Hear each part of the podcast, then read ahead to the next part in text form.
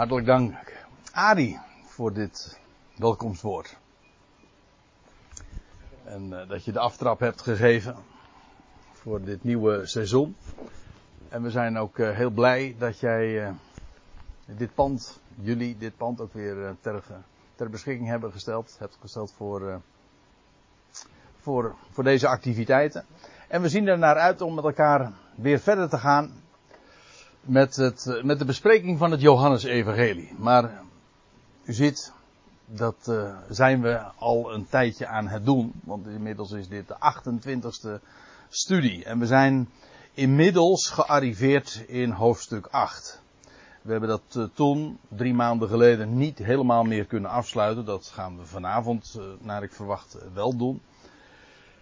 En het lijkt mij wel even een goed idee zo aan het begin van dit seizoen om nog eens eventjes de puntjes op de i te zetten en ook nog even een algemeen overzicht te geven. Zo van dit evangelie specifiek. Het heeft denk ik niet zo heel veel zin om nu het direct voorafgaande te be, nog eens eventjes uh, terug te halen. Maar het bijzondere karakter van dit evangelie.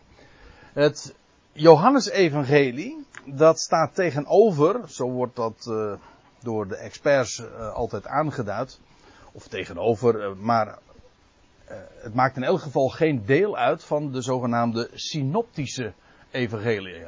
Synoptisch, dat wil zeggen overzicht. En dat in dit verband betekent dat Matthäus, Marcus en Lucas, dat zijn drie evangeliën die uiteraard alle drie ook weer een eigen invalshoek hebben, een eigen portret schilderen van de Heer Jezus en zijn geschiedenissen. Maar niettemin, ze lopen parallel. Uh, er zijn passages die uh, als twee druppels water op elkaar lijken. En daarom, die, die evangeliën, je kunt uh, Matthäus, Marcus en Lucas, Marcus is veruit het kortst.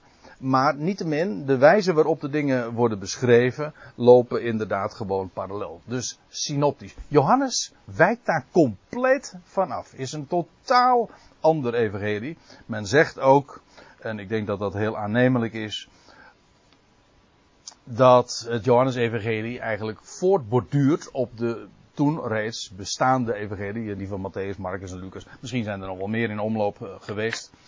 In elk geval, ze zijn niet terechtgekomen in, eh, in de selectie van, de, de, van, de, van het Nieuwe Testament. Maar dat is een verhaal apart.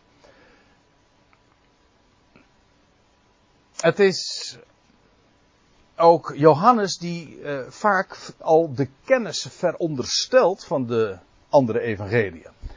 Opmerkelijk is dat er bijvoorbeeld heel weinig overlap bestaat tussen Johannes en de drie andere zogenaamde synoptische evangeliën dus. Uiteraard reken ik dan even niet de, de clue mee, waar alle, alle vier de evangeliën mee eindigen, namelijk de geschiedenis van de kruisiging en het sterven en de opstanding van de Heer Jezus. Want dat hebben ze inderdaad allemaal gemeen. Maar de hele aanloop is, is van een totaal andere orde. Heel weinig overlap. Om maar een paar voorbeelden te geven. In Matthäus, Marcus en Lucas, daar wordt de doop van de Heer Jezus uh, heel uitdrukkelijk beschreven, ook als, als inleiding, als introductie tot, uh, de, ja, tot de rest van de, de evangeliebeschrijving. Johannes vind je het niet. Nou ja, er is wel een verwijzing naar die doop in de Jordaan, in Johannes 1 ook, maar de doop zelf wordt niet beschreven. Uh, om nog een, een uh, voorbeeld te geven. Matthäus, Marcus en Lucas beschrijven alle drie de verzoeking, de beroemde verzoeking in de woestijn. Johannes, in Johannes ontbreekt het. De verheerlijking op de berg vinden we in alle drie de evangeliën, maar niet bij Johannes. In Johannes treffen we ook geen gelijkenissen. Zoals we die met name dan in Matthäus, maar ook in Marcus en ook in Lucas aantreffen dat zijn nogal opvallende ontbrekingen. Aan de andere kant, wat Johannes, want zijn beschrijving is uh, tamelijk uitgebreid. Hè, het zijn 21 hoofdstukken, maar uh, een aantal daarvan zijn erg lang. Bijvoorbeeld de hoofdstuk 8 waar we nu in, nog steeds in zijn, in bezig zijn, dat heeft 59 versen. Dus het heeft een aantal extreem lange hoofdstukken. Maar Johannes heeft dus, deze dingen ontbreken, een heleboel andere wondertekenen enzovoorts ontbreken ook.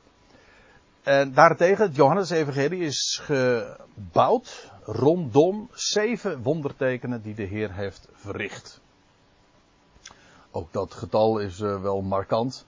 Maar laat ik eerst even uh, een paar uh, geschiedenissen noemen. wat Johannes als enige wel vermeldt. Bijvoorbeeld de bruiloft te Cana. Johannes 2. Zoek het maar op. Maar in de andere evangelie tref je dat niet aan. De genezing te Bethesda. Evenmin. In hoofdstuk 5. De genezing van de blindgeborene, waar we misschien vanavond al aan toe komen. In hoofdstuk 9 vinden we alleen bij Johannes. De opwekking van Lazarus, heel hoofdstuk 11 gaat daarover, vinden we alleen bij Johannes. De gesprekken in de opperzaal is ook een heel eigenaardig ding. Want uh, weliswaar wordt in Matthäus, Marcus en Lucas eh, de, de, een beschrijving gegeven van het, het laatste Pesach of het avondmaal dat de Heer Jezus gevierd heeft. Maar de, de gesprekken daaromheen, die vermeldt Johannes. En dan nog wel heel uitgebreid ook, hoofdstuk 13 tot en met 17. De gesprekken in de opperzaal. Of wat dacht u van de visvangst na de opstanding? Dat de Heer Jezus eh, met uh, een zevental anderen van de discipelen daar in het, uh, bij het meer van Galilea dan het bevel geeft om, om het net aan de andere kant van het schip uit te werpen. En dat ze dan 153 grote vissen vangen. Weet je wel, die geschiedenis. Alleen bij Johannes. Nou, ik kan nog wel even doorgaan. Ik geef een aantal markante uh, verschillen aan. Wat ontbreekt enerzijds en anderzijds wat juist al Johannes als enige wel vermeldt. Maar dat lijkt me op zich al genoeg, deze opzomming, om wel uh, inderdaad te zien dat deze beschrijving van een totaal andere orde is. En dan heb ik het nog niet eens over de, de stijl die Johannes hanteert. Een bekend eh, gegeven is dat zijn eh, taalgebruik heel eenvoudig is. Zijn woordenschat, uh, ik heb het niet nageteld, maar ik heb me laten vertellen dat uh, Johannes zo'n duizend Griekse woorden gebruikt. Dat is relatief weinig. Uh, vooral ook afgezet tegen de andere evangeliën misschien dat het daarom, of in ieder geval is een van de redenen waarom het Johannes-evangelie ook de reputatie heeft een simpel evangelie te zijn. In woordgebruik is het inderdaad eenvoudig. En het was een gebruik, we hebben er al, die, uh, verschillende keren herinner ik me bij stilgestaan. Het was uh, bij sommigen trouwens nog steeds een gebruik om uh, als ze aan iemand, als iemand vertrouwd willen maken met de Bijbelse boodschap, wat geef je? Een Johannes-evangelie. Een nou ja, of dat nou zo verstandig is, daar hebben we het nu even niet over. Maar het gaat mij eventjes als verklaring van het fenomeen dat het een simpel evangelie heet te zijn. Trouwens, er is nog een reden waarom het heel uh, simpel is. Omdat het, het is heel zwart-wit. Als, het, als ik het eventjes als, in die termen mag zeggen. Johannes is een zwart-wit film. Het, het kent heel veel contrasten van waarheid, leugen leven, dood. Uh, ja, nou kom ik er eventjes niet op andere. Licht, duisternis. Nou, noem maar op. Dat soort contrastparen, daar wemelt het in het Johannes-evangelie van. Dat, dat maakt de beschrijving inderdaad heel zwart-wit. Uh, Johannes kent uh, weinig nuance. En ook allerlei kleurschakeringen om even in de beeldspraak te blijven. In tegenstelling dus met de andere evangeliën. Dat is heel karakteristiek voor de stijl die Johannes hanteert. Trouwens, dat komt dan ook weer terug in de brieven die hij geschreven heeft. Dan wil ik nog iets opmerken. En nou ja, voor degenen die inmiddels uh, een hele, heleboel studies al hebben gevolgd. Die weten inmiddels wel een beetje hoe dat uh, in elkaar steekt. Maar het lijkt me toch goed om dat nog eens een keer even op te merken. Dat Johannes, die verhaalt uh, Jezus geschiedenis vanaf zijn openbare optreden, want daarvoor wordt niks vermeld. Feitelijk. zijn ook, de evangelie zijn eigenlijk ook geen biografieën. Dat is, uh, per ook Johannes evangelie maakt erop geen uitzondering. Uh, die beschrijft de laatste drieënhalf jaar van zijn leven hier op aarde. Maar het grootste gedeelte van zijn leven is dus een onbeschreven blad. Daar weten we eigenlijk niks van. Nou ja, iets over de gebeurtenissen rondom zijn geboorte. Alleen Lucas vermeldt dan nog dat hij, wat hij op 12-jarige leeftijd uh, gedaan heeft. Weet u wel, die drie dagen. Ja, in de tempel. En that's it. Meer, meer weten we niet over zijn jeugd. Ja, dat hij bezig was met de dingen van zijn vader, dat is wel duidelijk. Dat is eigenlijk het enige wat we weten dat hij, wat hij uh, gedaan heeft in zijn jeugd. Maar goed, uh, Jezus verhaalt Jezus geschiedenis en ik noem dat eventjes zo, zo dat is de uitdrukking die we daar tegenwoordig heel dikwijls voor gebruiken, met de kennis van nu. Hè? Iets beschrijven. Ze zeggen wel eens een keer, je moet dingen, uh, een geschiedenis van vroeger, iets wat in het verleden gebeurd is, moet je niet bekijken met de, met de kennis die je nu hebt. Want dan, ja, dan, dan leg je er dingen in die er ja, dat noemen ze met een mooi woord een anachronisme. Dat is zoiets als een anachronisme, dat is bijvoorbeeld keizer Napoleon die in de auto zit. Dat, dat, niet, dat kan niet, want toen Napoleon keizer was, toen was er nog geen auto. Weet je wel, dat noemen ze een anachronisme. Dat, dan, dat, zijn, dat is een zonde tegen de tijd eigenlijk. Dat, die dingen passen niet bij elkaar. Maar wat Johannes doet, hij beschrijft achteraf de geschiedenis van de Heer Jezus. Dat wil zeggen, die laatste jaren van, uh, van zijn leven, zijn publieke optreden. Maar dat doet hij met de kennis die hij inmiddels heeft. En hij kijkt dus terug. Hij, hij, ik zei al, hij heeft dit evangelie als laatste geschreven. Men zegt, meestal zegt men van dat is, uh, hij is heel oud, is, hij zou volgens de traditie heel oud geworden zijn. En dat hij op uh, 90-jarige leeftijd dit geschreven zou hebben. Maar we hebben er al eens een keertje eerder bij stilgestaan. Uh, dit evangelie geeft zelf aanleiding om aan te nemen dat dit geschreven is nog voor, weliswaar als laatste, maar nog voor de val van Jeruzalem. Er zijn hele interessante aanwijzingen. Als je nou dan toch aan het bladeren bent, ik heb hier uh, hoofdstuk 5. Dan zie je, ik zal één, één voorbeeld geven. Er staat nu in Johannes 5 vers 1. Daarna was er een feest der Joden en Jezus ging op naar de Jeruzalem. Nu is er te Jeruzalem bij de schaapspoort een bad. hey. nu is er bij te Jeruzalem bij de schaapspoort een bad. Als Johannes dit had geschreven in het jaar 90 en Jeruzalem was al helemaal met de grond gelijk gemaakt, dan was er helemaal geen schaapspoort meer, want er stond geen steen meer op de andere. Dus er, dan, had dan had Johannes geschreven, nu was er te Jeruzalem bij de schaapspoort. Nee, maar hij schrijft er is. Dat betekent dus dat was nog intact. En dat duidt dus erop dat deze, dit evangelie inderdaad geschreven is nog voor de val van Jeruzalem. Dus toch eh, aanzienlijk vroeger dan gewoonlijk wordt verondersteld. Er zijn nog meer eh, aanwijzingen in die richting. Gewoon puur vanuit het evangelie zelf. En dat vind ik heel wat meer waard dan uh, hoeveel andere getuigen vanuit buitenbijbelse bron, zeg maar.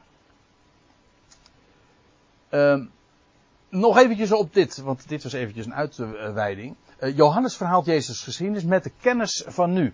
Uh, ik, ik, gebruik eventjes dit beeld. Je, je, hebt twee dia's en die leg je op elkaar. Dan zie je twee dia's door elkaar. Hè?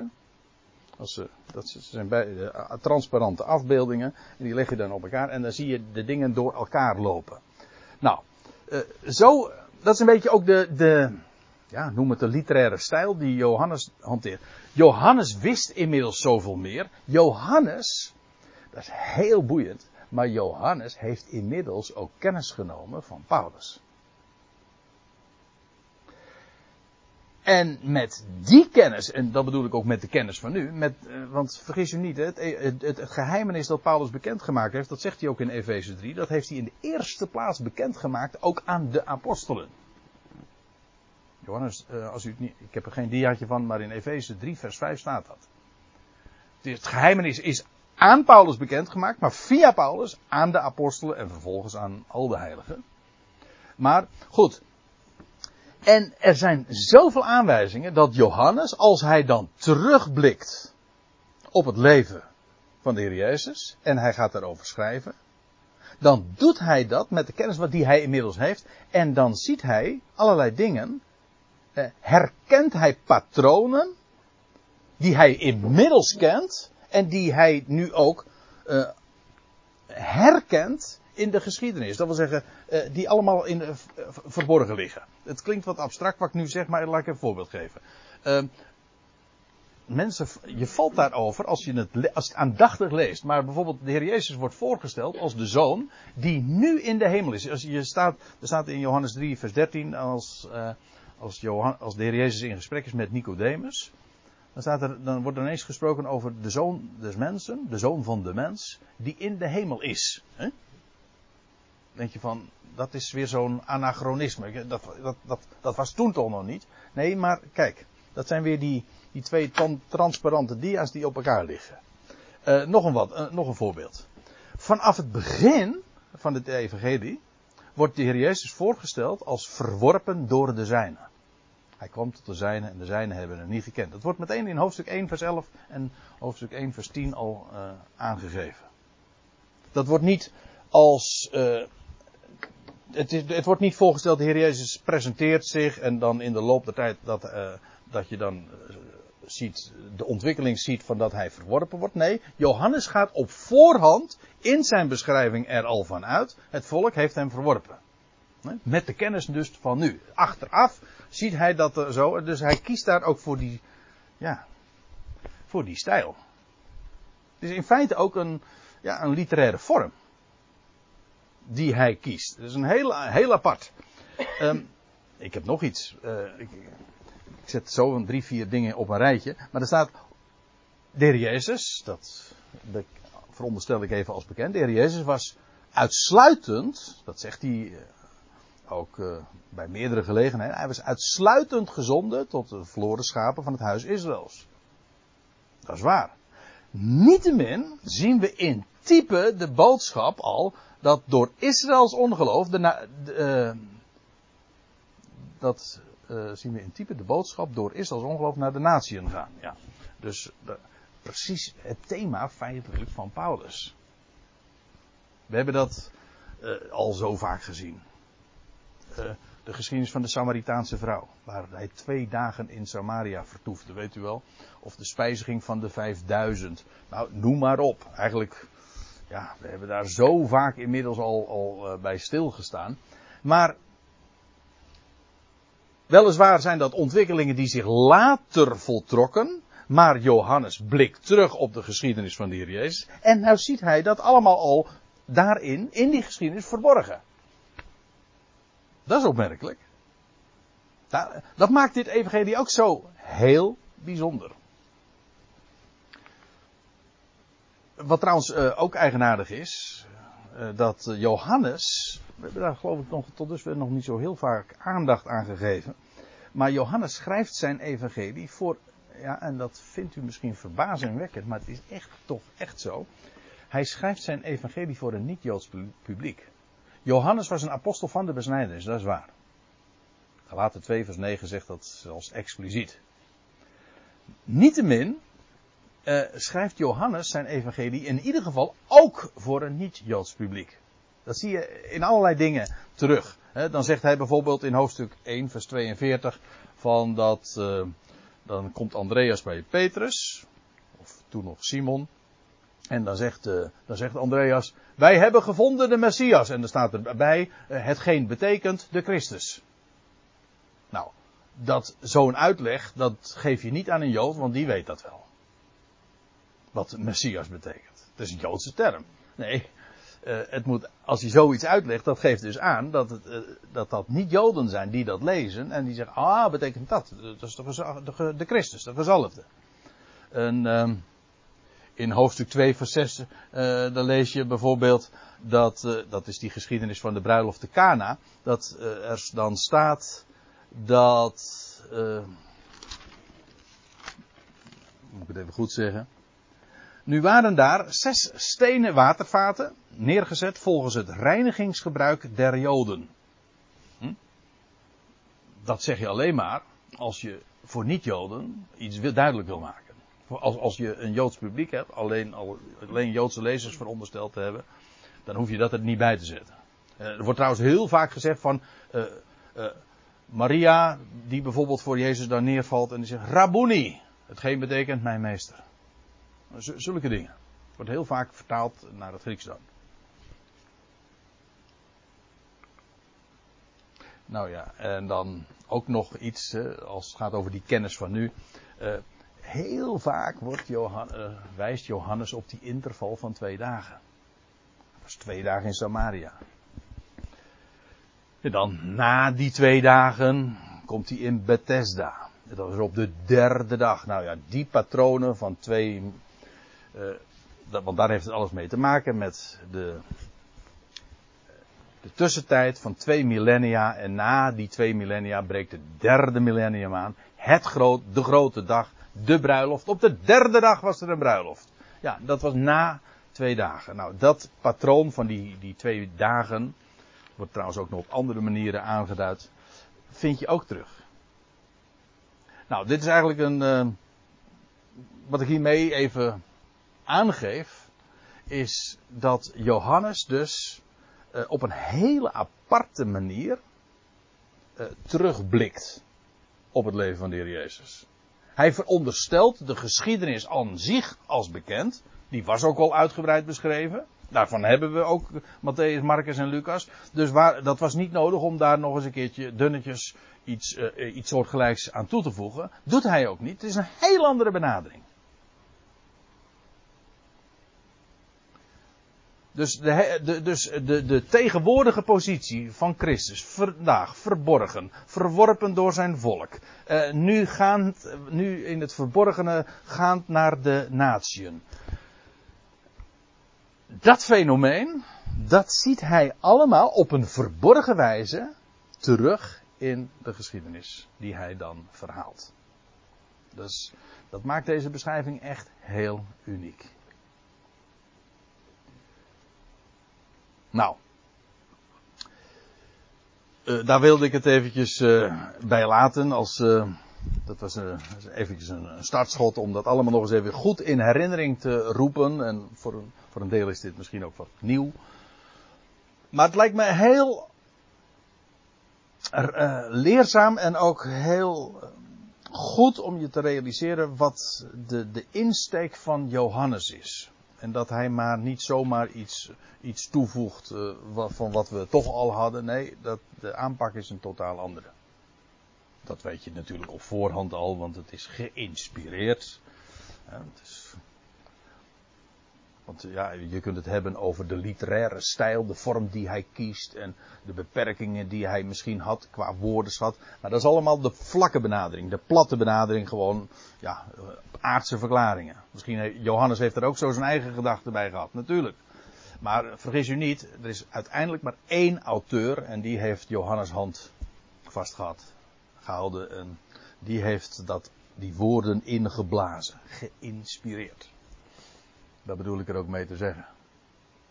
Nou, laten we dan uh, met, uh, met deze overwegingen vervolgens uh, de draad gewoon weer oppakken in hoofdstuk 8. Het slot van hoofdstuk 8, want daar waren we dus gebleven. Dat hele heftige gesprek wat daaraan vooraf gegaan is, daar, hebben we, daar zijn we de vorige keer mee afgesloten. ja, dat, toen, dat is het laatste geweest wat we het vorige seizoen hebben besproken. Het was het hoogtepunt, of beter gezegd het dieptepunt, in de, in de confrontatie tussen de Heer Jezus en de Joodse leiders te Jeruzalem. Dit valt allemaal, uh, daar hebben we het uh, wel over gehad, maar ook dat wil ik nog eventjes erbij gezegd hebben. De, als je dit even in de tijd wil plaatsen, dit vindt allemaal uh, een half jaar, of een krap half jaar, voor de, uh, de uiteindelijke kruisiging van de Heer Jezus plaats. We lezen in hoofdstuk 7 nog dat hij naar het Loofhuttenfeest ging. Dat was een half jaar voor, uh, zijn, voor zijn kruisiging. De Heer Jezus is gekruisigd met Pascha. Het Loofhuttenfeest was een half jaar daarvoor. Precies zes maanden verschil. Nou, dit is nog weer ietsje later, dus dat zal in oktober, november geweest zijn. En de heer Jezus is dan in maart, april uh, gekruisigd en, uh, en ook opgestaan. Godzijdank.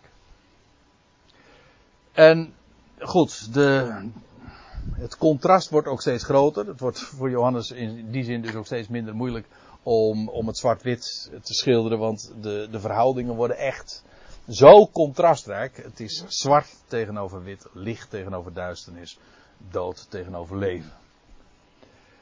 En dan pak ik zoals gezegd de draad hier op bij vers 51. Amen, amen, voorwaar, voorwaar. Amen is eigenlijk ook feitelijk Hebreeuws. Overgezet in het Grieks. En wij, het is een internationaal woord geworden. Amen. Zoals uh, halleluja. Dat ook is. Uh, amen, amen. Maar betekent het is waar. De grap is, eh, dat woord amen. Daar zit het Hebreeuwse werkwoord voor geloven nog in. Waarbij de gedachte is dat geloven betekent dat je zegt ja, iets voor waar houdt. Voor waar dus, hè? Ja, je, precies. Je beaamt het. Ja. Abraham geloofde God, staat er in Genesis 15, vers 6. Maar dan staat inderdaad dat Hebreeuwse woordje uh, voor amen. Of dat woord dat daaraan ge, gekoppeld is, zeg maar. Amen. Geloven. Waarachtig. Zo is het. Dat is waar.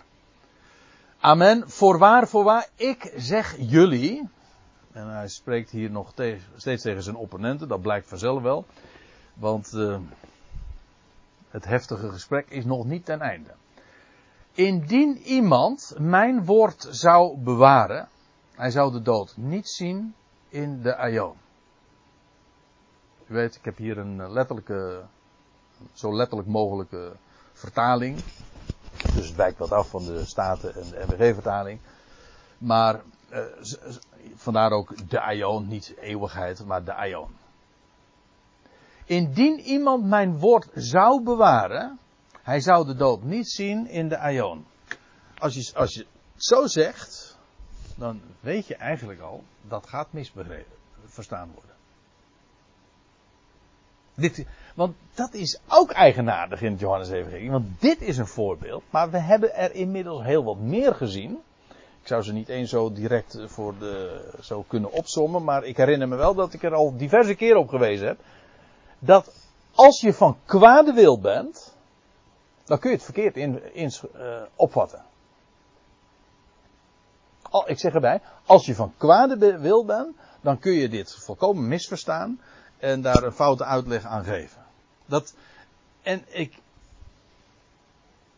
ja, laat ik het uh, voorzichtig zeggen. Ik heb sterk de indruk dat de Heer Jezus dit met opzet doet. Want feitelijk, als je het zegt op een manier die fout opgevat kan worden, dan selecteer je feitelijk al je luisteraars. Op voorhand. Namelijk de mensen die van kwade wil zijn en die jou dus zullen misinterpreteren. En degene die wel oren hebben om te horen. En die begrijp je. Nou, dat waren er hier in dit geval niet veel. En ik zei al, dit woord kan je verkeerd opvatten. Nou, dat blijkt, dat, gebeurt dan ook. Uh, laat, nou, laat ik eerst meteen eventjes zeggen hoe, als je het goed opvat. En zoals de Heer het ook inderdaad bedoelt, dat blijkt dan ook wel. Indien iemand mijn woord zou bewaren, hij zou de dood niet zien in, of tot in de, eigenlijk tot in de aion. Hij, waar, waar hij het over heeft, is, hij, hij zou de dood uh, niet zien. Dat wil zeggen, iemand, degene die opgestaan zijn, uh, degene die opgestaan zijn, in de opstanding zal hij ionisch leven ontvangen. Dat wil zeggen, hij zal opstaan en dan het leven van de ion ontvangen. En dan de dood niet zien. Dat is wat hij bedoelt te zeggen. En ik zal u even meenemen naar Johannes 6, vers 40. Dan bladeren we dus even terug. Want de Heer Jezus bedoelt hier helemaal niet te zeggen uh, dat, je, dat zij niet zouden sterven. Zo is het ook niet gegaan. Toen Johannes dit trouwens optekende, toen waren er al heel wat van zijn collega-apostelen overleden. Die het woord wel degelijk hebben bewaard, maar niettemin toch gestorven zijn. Nee, nou laten we even naar Johannes 6, vers 40 toe gaan. Daar staat dit. Want dit is de wil van mijn vader. Opdat een ieder die de zoon aanschouwt en gelooft in hem, dat hij zou hebben Ionisch leven, eeuwig leven. Leven dat hoort bij de eeuw. De eeuw. En staat erbij, ik zal hem doen opstaan in de laatste dag. Over die laatste dag hebben we het uh, ook al verschillende keren gehad, want het is een uitdrukking die Johannes nog wel eens een keer bezigt. Het refereert weer aan de, aan de profetie van Daniel. Maar daar gaat het nu even niet om. Uh, ik zal hem doen opstaan in de laatste dag. Wat trouwens veronderstelt dus dat degene die de zoon aanschouwt, ook wel degelijk, dus ook overlijdt. Toch? Anders, die kan alleen maar opstaan als je eerst, uh, als je eerst overleden bent. En degene die de zoon aanschouwt, die gelooft hem, die zou Ionisch leven ontvangen. En ik zal hem doen opstaan in de laatste dag. Om het eventjes grafisch voor te stellen, dan krijg je dus dit verhaal. Uh, je hebt de huidige Ion, die loopt nog steeds. Nou ja, die loopt inderdaad hard naar zijn einde. Want ja, de twee dagen, hè, waar we het al vaker over gehad hebben, die, die termijn verstrijkt. wat er vervolgens gebeur, zal aanbreken, ja, wat, dat lijkt me nogal wiedes. Als de huidige aion afgesloten wordt, dan breekt de toekomende aion aan. En op de, in de laatste dag, ja, dan gaat het trouwens denk ik niet over de laatste dag van de aion, maar van een andere termijn. Maar nou, ik, ik wil het niet ingewikkelder maken, maar in ieder geval de laatste dag. Ja, ik kan nou wel zeggen, ik bedoel uh, de 1275, nee, de 1325ste dag. Maar dan Weet u nog dat we het daarover gehad hebben? Daniel 12. Nee. Ja, we hebben het er wel over gehad. Hoor. Er wordt gesproken over 1260 dagen, over 1290 dagen, over 1335 dagen. En dan de laatste dag zou Daniel opstaan. Namelijk van die reeks dagen die genoemd worden. Maar goed, eh, even, dan parkeer ik even, want uh, laten we het niet ingewikkelder maken. Ik wil, juist, ik wil het juist even eenvoudig maken, om te laten zien. Je hebt dus de huidige aion en de toekomende aion. Dat is simpel, hè. Uh, in de, ergens aan het einde van die aion heb je een, een, periode, en in de laatste dag van die periode vindt de opstanding plaats. Dan gaat het over Israëls heiligen, over de gelovigen van Israël. En degene die dan opstaan, dat is, een, dat is nog in deze aion, die zal de dood niet zien tot in de aion. Dus die, die staat op nog aan het einde van deze aion. En vervolgens, hij zal de dood niet zien tot in de aion. Dat is dus letterlijk waar, want hij staat hierop. En vervolgens blijft hij leven in zijn opstandingslichaam. En ziet dus de dood niet meer tot in de aion, namelijk de toekomende aion. Dus dat klopt perfect. Als je bereid bent te verstaan wat de Heer bedoelt. En ja, als je wil weten wat hij bedoelt, dan moet je dat in de context kijken. En dan moet je ook kijken van waar, waar heeft hij het er vaker over gehad. Nou, dit is wat hij had gezegd al daarover.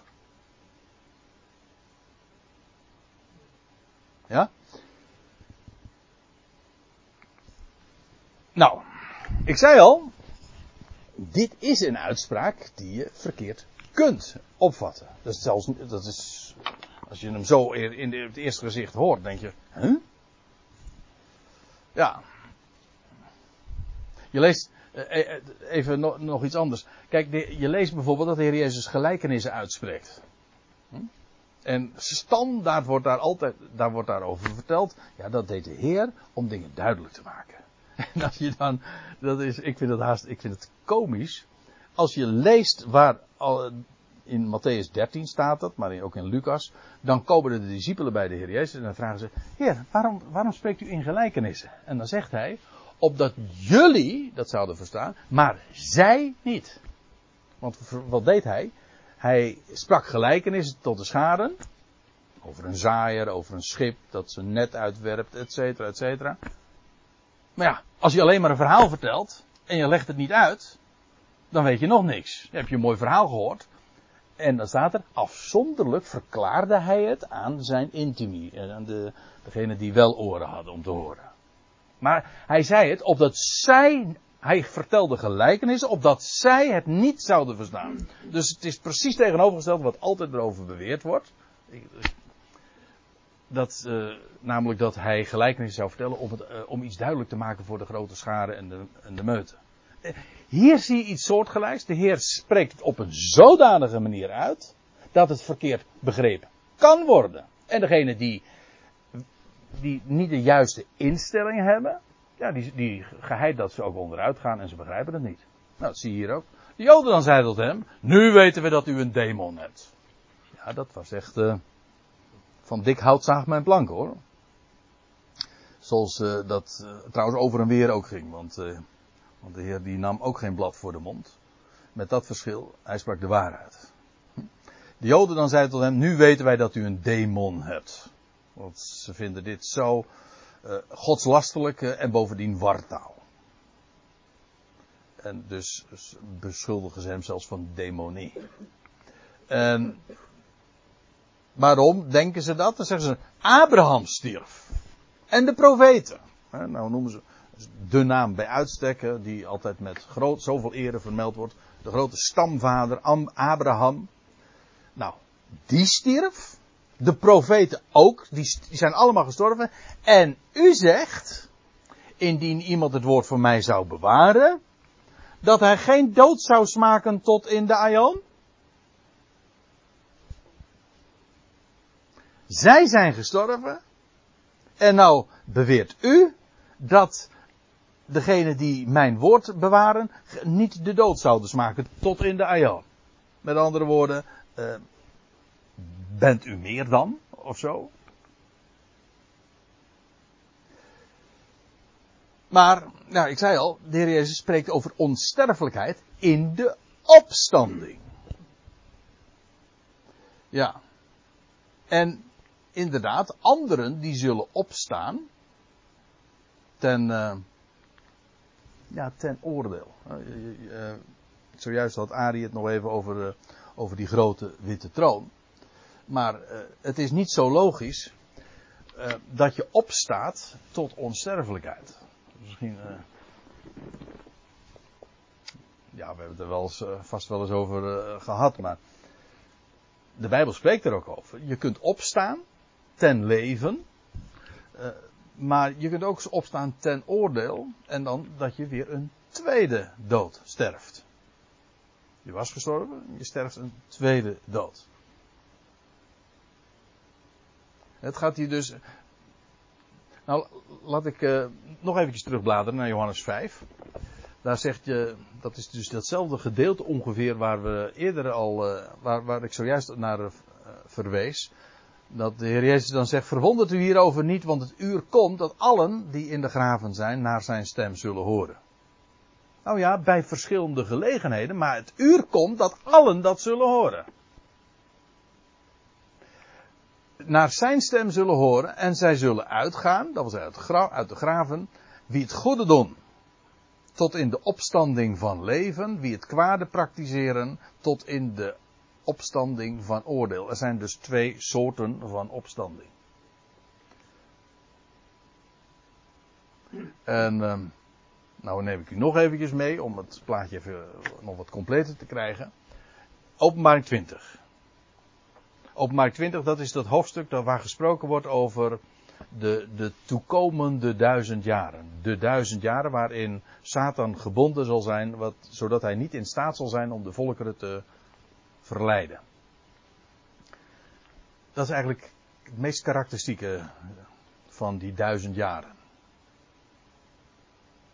Maar zeggen we heel vaak, ik ben zelf uh, ook in, die, in de kringen groot geworden, of in ieder geval uh, nou laat ik het anders zeggen. Ik ben christelijk geformeerd groot geworden, maar bij ons thuis lag altijd op tafel uh, het zoeklicht. Het, het lijfblad sinds 1919, geloof ik, van Johannes de Heer. Die in dezelfde maand stierf dat ik geboren werd. Namelijk maart 61. Maar voor mij mag ik het onthouden. Op hoge leeftijd trouwens. Uh, maar waarom zeg ik dat? Omdat die man die heeft weer uh, de verwachting heel levend gemaakt. Ook van, ja, voor, voor, dat er een toekomst is voor Israël. En ook dat de, duizend jaren waarvan de kerk altijd traditioneel leerde. Van ja, wij leven nu in het duizendjarig, duizendjarig rijk. Nee, nee, zei Johannes de Heer, dat is niet waar. Die duizend jaren die komen nog.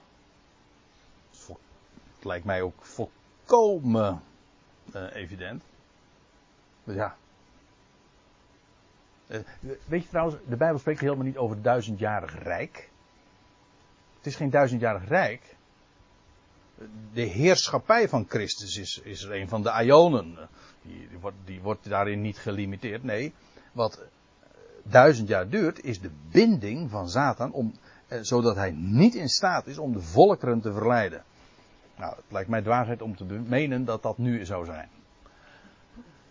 Openbaring 20 is dus dat hoofdstuk waar gesproken wordt over die duizend jaren die dan zullen uh, beginnen. En dan lees je ook dat in aanvang van die duizend jaren, dat is trouwens uh, weer een bewijs, of een volstrekt duidelijk gegeven, dat dat in de toekomst ligt, dat voorafgaand aan de duizend jaren er een opstanding plaatsvindt. En een opstanding van een selectie van mensen. Die, en dan lees je ook over de mensen die omgekomen zijn tijdens de grote verdrukking, tijdens de heerschappij van het beest en de valse profeet en zo. Dat ook nog moet aanbreken, dus ja. Hè. Hoe duidelijk eh, kun je het hebben dat die duizend jaren nog toekomstig zijn. En dan staat er in openbaring 20 vers 5, de overige doden, die werden niet wederlevend, voordat de duizend jaren voleindigd waren. Dit is, dat wil zeggen, uh, die opstanding die, die voor de duizend jaren plaatsvindt, dat is de eerste opstanding. En dan staat erbij, gelukkig en heilig, afgezonderd, apart gezet, is hij die deel heeft aan de eerste opstanding. Over hen heeft de tweede dood geen macht. Maar zij zullen priesters zijn van God en van Christus. Ze zullen met hem als koningen heersen die duizend jaren. Gaat hier speciaal trouwens ook over Israëlieten, maar dat even terzijde. Maar wat hier uh, gezegd wordt is, voor die duizend jaren vindt er een opstanding plaats. En degene die dan zullen opstaan, die zullen op aarde dan ook inderdaad ja, priesters voor God, een koninkrijk van priesters zijn voor God, voor God, van, van God en van Christus. En ze zullen met hem als koningen heersen. Maar de overige, degenen die daaraan geen deel hebben, dat zijn dus de overige doden, die blijven dus gedurende die duizend jaren gewoon in de graven dus. Die staan ook op. Er komt voor hen ook een uur. Maar dat is dus een millennium verder. Tien eeuwen later, minimaal. De overige doden werden niet wederlevend voordat de duizend jaren voleindigd waren. Dus er zijn categorieën. Als ik het eventjes zo mag voorstellen, je hebt hier een groot begraafplaats. En dan heb je een eerste opstanding. Eh, dat betekent, het is een, dat is een opstanding uit de doden. Dat wil zeggen, er staan mensen op het is mij opgevallen, heel veel mensen uh, horen, als ze het hebben over opstanding uit de doden, dan horen ze, dat is, dat is, dat is eigenlijk een gebrekkig Nederlands, waarmee men dan luistert, dan horen ze opstanding uit de dood. Maar dat is iets heel anders, hè? De dood is een toestand waarin je bent als je niet meer leeft. Maar opstanding uit de doden, doden is een meervoudsvorm. Dat wil zeggen, je hebt een dode, iemand die is overleden is een dode. Eh, als er twee mensen zijn die overleden dan zijn er twee doden. Een opstanding uit de doden wil zeggen, er liggen hier allemaal doden. En als er een opstanding uit de doden is, dan zijn er een aantal van die doden die tussen de doden uit opstaan. Dat is een opstanding uit de doden. Een selectie dus. Dat is, dat is eigenlijk de eerste opstanding. Je hebt daar trouwens ook nog weer fases in. Hè? 1a, 1, 1b, 1c. Maar het is allemaal eerste opstanding. Het is een opstanding uit de doden. Je hebt ook een opstanding. Eh, dat is, dat is de tweede opstanding dus. De opstanding van de doden. Namelijk van de overige doden. Kijk, als er een aantal mensen hier uit, van deze begraafplaats opgestaan zijn, dan is, dan is dat een opstanding uit de doden. De rest blijft daar liggen.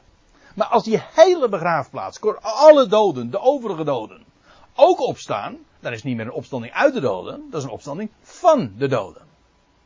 En beide uitdrukkingen bezigt de schrift. Een opstanding uit de doden. De Heer Jezus stond ook op uit de doden als een eersteling. En straks bij de wegrukking is dat ook een opstanding uit de doden. En die opstanding voor de duizend jaren is ook een opstanding uit de doden. Dat is allemaal eerste opstanding. Maar als alle doden zullen opstaan, dan zijn er geen doden meer over. Ja, dat is een opstanding van de doden. Dat is na de duizend jaren. En dat zal, dan, zal, dan gaan inderdaad de boeken open. En dan, als de naam niet geschreven staat in het boek van het leven, dan zal men geworpen worden in. Dan sterft men een vuurdood, staat er dan. Uh, dat is de tweede dood. Waarna men natuurlijk vervolgens zegt, ja, dat is het einde. Einde verhaal. En dan heb je alsnog het evangelie, als u mij vraagt, om zeep geholpen. Want het evangelie is juist de boodschap. De dood wordt teniet gedaan. Of het nou de eerste of de tweede. Maar de dood, ongeacht welke, wordt, is overwonnen en wordt teniet gedaan. Nou, waarom dat zo is, nou, daar gaat het nu even niet om. Maar ja, het is wel heel essentieel. Dus, maar dat is aan het einde van Christus heerschappij. Dat is niet aan het eind van de duizend jaren, maar dat is pas als Christus heerschappij volledig voorbij zal zijn. En hij een volmaakt koninkrijk zal overdragen aan zijn God en Vader als er geen dood meer is en allen levend gemaakt zullen zijn. Ik geef toe dat dit een uh, wat uh, uitvoerige uitstapje is, naar, naar aanleiding van dit vers. Maar ik zeg dit expres even om, om ook uh, te begrijpen wat de Heer Jezus zei. Met die uitspraak die zo gemakkelijk verkeerd begrepen kon worden en ook daadwerkelijk verkeerd begrepen werd. En dan zeggen ze nog bij, ik ben nou weer even terug in Johannes 8, u bent toch niet groter dan Abraham?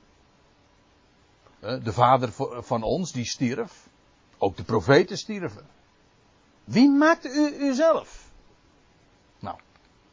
En Jezus antwoordde. Dat wil zeggen op de vraag: wie maakt u uzelf? Ja. Nou zie ik, even op mijn klokje, dat het inmiddels 5 van 9 is. Dus ik denk dat we straks even hier de draad weer oppakken. En dan stel ik voor dat we nu eerst eventjes gaan pauzeren. Is dat goed?